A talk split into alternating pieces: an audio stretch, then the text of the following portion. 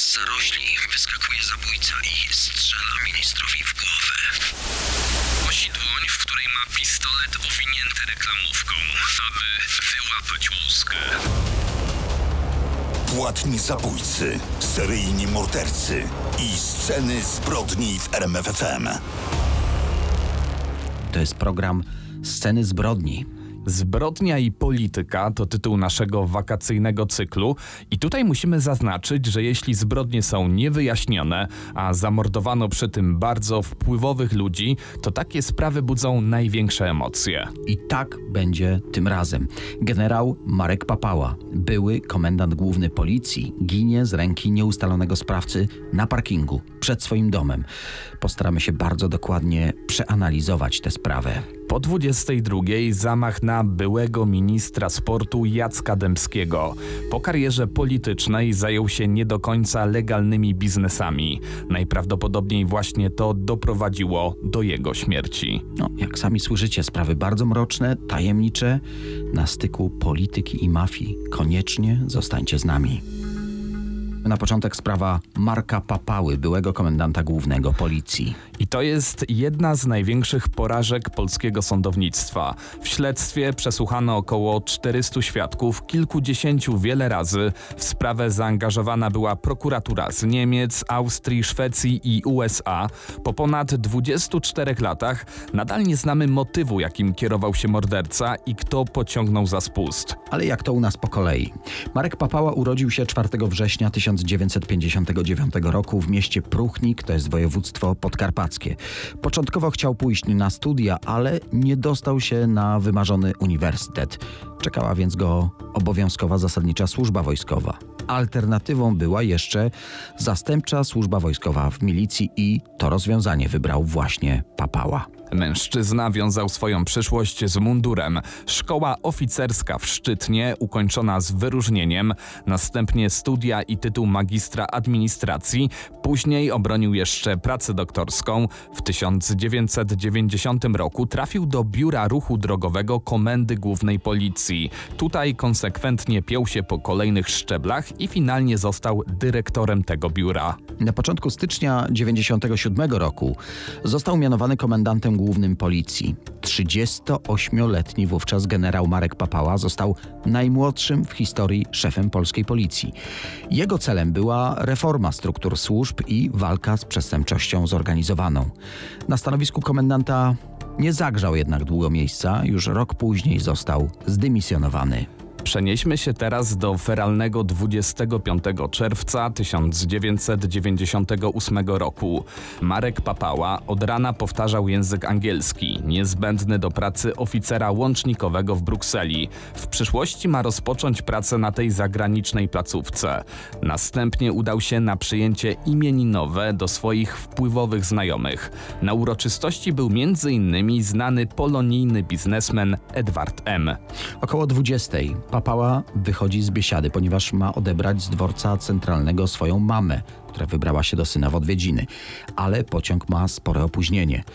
Mężczyzna postanawia więc pojechać do swojego mieszkania i wrócić na dworzec no, bliżej godziny przyjazdu pociągu. Kilka minut przed 22 parkuje swoje wiśniowe DU Espero pod blokiem przy dzisiejszej ulicy Gintrowskiego 17. Do samochodu podchodzi jakiś młody człowiek, ma około 20 lat. Unosi dłoń, w której ma pistolet owinięty reklamówką, aby wyłapać łuskę. Napastnik oddaje strzał w głowę z odległości około 50 cm. Niespełna 39-letni Marek Papała umiera na miejscu. W momencie morderstwa przed blokiem żona generała Papały wyprowadzała psa. Zauważyła wtedy spacerującą parę i biegnącego mężczyznę. Po chwili dotarła na parking, gdzie, jak się domyślacie, odnalazła ciało swojego męża. Świadkiem morderstwa był obywatel Wietnamu, który akurat w tym momencie palił papierosa na balkonie. Niestety, ze względu na panujący mrok, nie dostrzegł twarzy zabójcy, nie potrafił też opisać szczegółów jego sylwetki. Informacja o zabójstwie papały lotem błyskawicy dotarła do wpływowych polityków w kraju. Na miejscu zbrodni oprócz śledczych i dziennikarzy pojawił się spory tłum gapiów. Wśród nich znalazł się dobry znajomy generała, polityk SLD Leszek Miller. Ludzie zadeptywali ważne ślady. Praca techników kryminalistyki była mocno utrudniona. Mimo to udało się zabezpieczyć odbitki dłoni pozostawione na dachu samochodu oraz pocisk, który utknął w fotelu. Początkowo w śledztwie pod uwagę brano wiele potencjalnych motywów: atak szaleńca, zemsta podwładnego albo rodzinne porachunki. W sumie analizowano 11 różnych wersji, jednak według śledczych najbardziej prawdopodobne było morderstwo na zlecenie. Wykrycie sprawców stało się sprawą honoru dla całej policji. Dość szybko zaczęto badać wątek, że zlecenie zabójstwa papały wydał wspomniany już polonijny milioner Edward M. Biznesmen dobrze znał się z generałem, proponował mu nawet przyjazd do Chicago, gdzie mógł podszlifować angielski.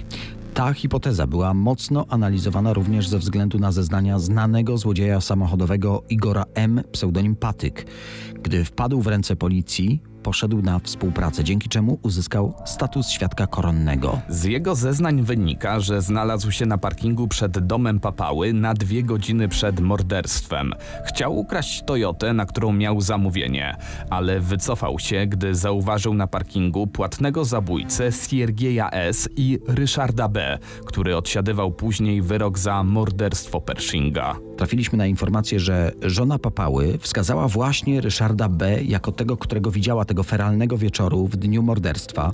Według ustaleń śledczych Nikodem Skotarczak, pseudonim Nikoś, miał pomagać polonijnemu milionerowi w znalezieniu kogoś, kto podjąłby się zabójstwa papały. Dlatego doszło później do kilku spotkań Edwarda M.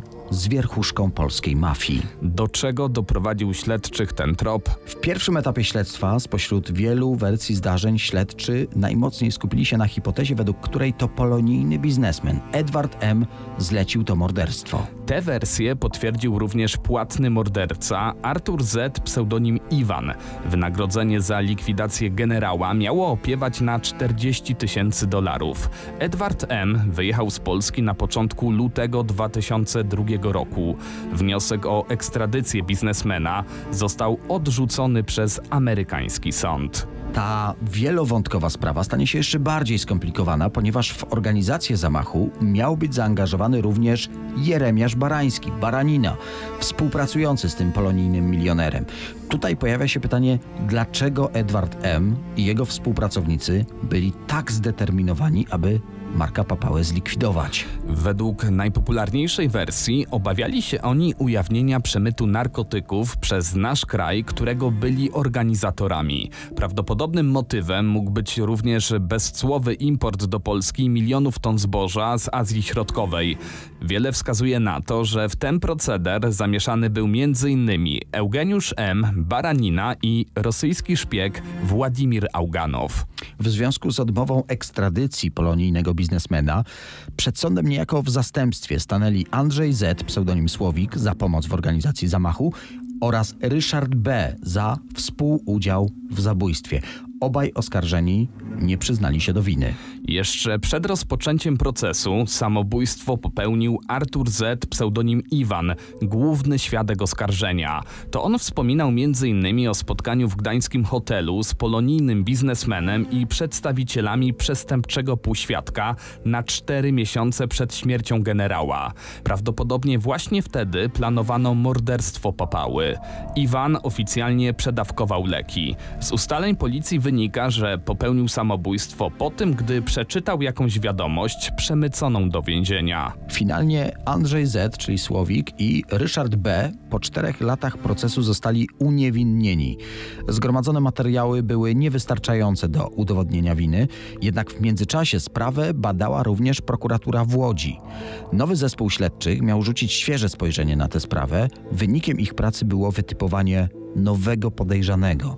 Według ustaleń łódzkiej prokuratury winnym śmierci generała Papały jest Igor M., pseudonim Patyk, wspomniany już wcześniej świadek koronny. To on widział Ryszarda B. i Siergieja S. na parkingu Papały na kilka godzin przed zabójstwem. Co niezwykle ciekawe, zeznania obciążające Patyka sformułował Robert P., pseudonim Rowerek, który w przeszłości działał w jego szajce złodziei samochodów. Na tym nie koniec tych przedziwnych powiązań. Otóż wcześniej zeznania Patyka doprowadziły do tego, że Robert P trafił za kratki. Zarzuty prokuratury opierały się w dużym stopniu na zeznaniach rowerka, który w nagrodę za współpracę uzyskał status świadka koronnego. Jak sami słyszycie, dwóch świadków, dwie wersje zdarzeń, przynajmniej jeden z nich nie ma racji. Według aktu oskarżenia do morderstwa Marka Papały doszło wskutek napadu rabunkowego. Celem było wiśniowe Deu Espero generała. Zgodnie z tą hipotezą Patyk nie wiedział do kogo strzela. Prokuratura z Łodzi domagała się dla niego dożywocia, a dla trzech pozostałych osób, które były z nim na miejscu zbrodni, krótszych wyroków pozbawienia wolności za współudział w tej kradzieży. Jednak w październiku 2020 roku Sąd Okręgowy w Warszawie uniewinnił Igora M. Dodatkowo nie pozostawił na przedstawionych zarzutach suchej nitki. Zeznania Roberta P., rowerka, stały w sprzeczności do tego, co na miejscu zbrodni widziała żona zamordowanego i świadek zabójstwa. Obywatel Wietnamu, który widział zdarzenie, zeznał, że morderca miał około 170 cm wzrostu, co zupełnie nie pasowało do wyglądu znacznie wyższego patyka. Pytanie, dlaczego Robert P. nie wspominał o winie swojego byłego kolegi, gdy ten przyczynił się do tego, że wylądował za kratami, tylko zrobił to dużo później. Jak czytamy w uzasadnieniu wyroku, skradzione Deu Espero miało imitować radiowóz policji i posłużyć później do napadu na tira. Ale do żadnego takiego skoku nie doszło, a złodzieje mogli przecież ukraść inną markę samochodu, którą jeździła policja. Dominowały wtedy Passaty, dominowały Polonezy. No oczywiście to tylko wybrane nieścisłości, których jest dużo więcej. Łódzka prokuratura regionalna złożyła apelację od wyroku uniewinniającego Igora M., pseudonim Patyk. I tak po ponad 24 latach od śmierci Marka Papały wracamy tak naprawdę do punktu wyjścia. Nadal nie wiemy, kto strzelał do generała, ani jaki był motyw zabójstwa. Sprawa wciąż pozostaje nierozwiązana. To są sceny zbrodni i nasz wakacyjny cykl Zbrodnia i polityka. Czas na kolejną, niezwykle skomplikowaną sprawę kryminalną. Jest 11 kwietnia 2001 roku. Jacek Dębski, były minister sportu, hucznie świętuje swoje 41 urodziny.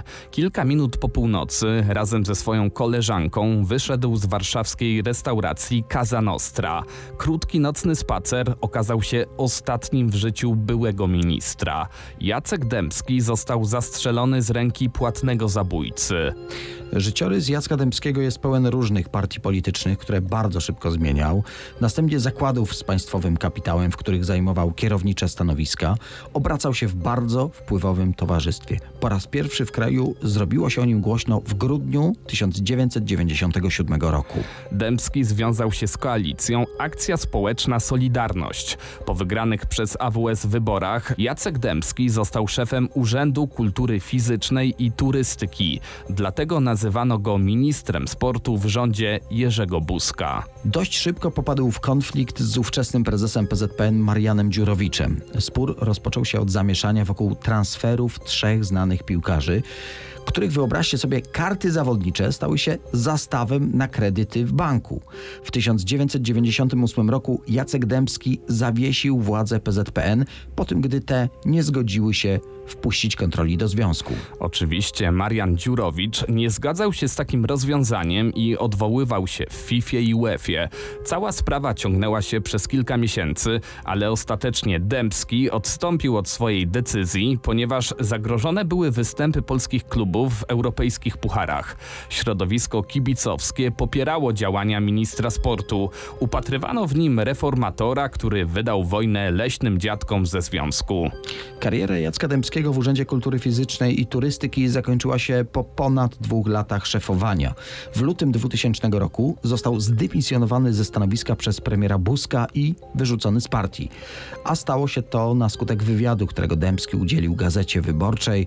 Minister wyznał w nim, że pewien wysoko postawiony działacz AWS-u nakazał mu szukanie haków na byłych szefów Urzędu Kultury Fizycznej i Turystyki Stanisława Paszczyka i Aleksandra Kwaśniewskiego. Trudno dokładnie określić, kiedy były minister sportu rozpoczął współpracę ze świadkiem przestępczym. Dużą rolę w tym procesie odegrało pewne spotkanie w austriackiej rezydencji znanego w świecie przestępczym Jeremiasza Barańskiego, pseudonim Baranina. O nim już wspominaliśmy przy historii Marka Papały. Okazało się, że obaj panowie są kuzynami.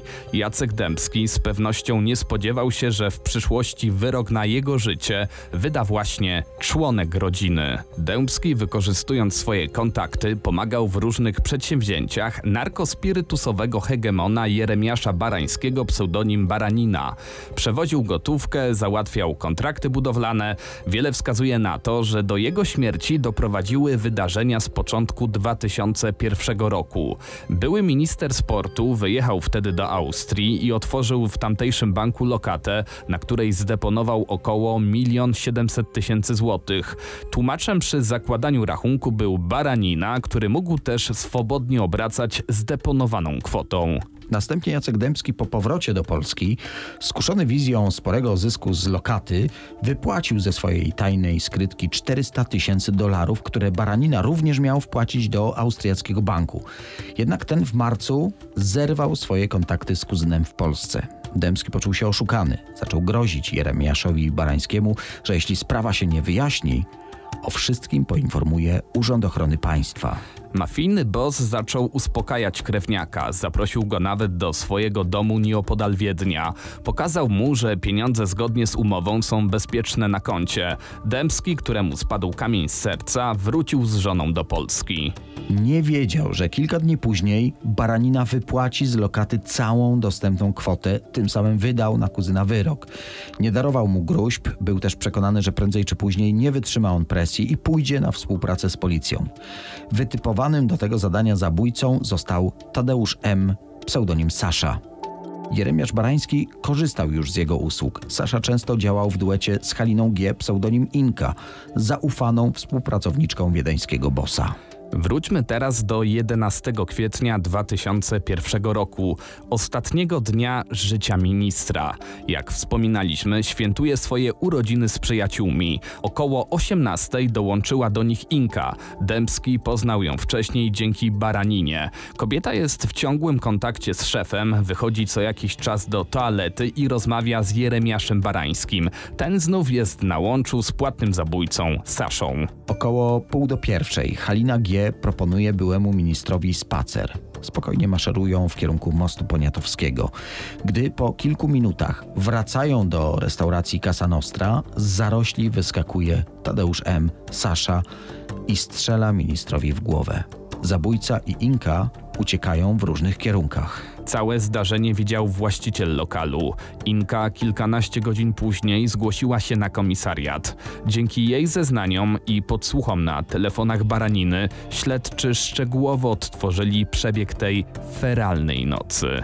Jedyną osobą, która odpowiedziała za to zabójstwo, była właśnie Halina G. Inka. Odsiedziała 8 lat w więzieniu, a następnie pod zmienionym nazwiskiem wyjechała z kraju, objęta austriackim programem ochrony świadków. Jeremiasz Barański, Baranina i Tadeusz M. Sasza nie doczekali wyroku. Obaj w areszcie popełnili samobójstwa. Daniel Dyk i Kamil Barnowski prezentują Sceny zbrodni w RMFFM.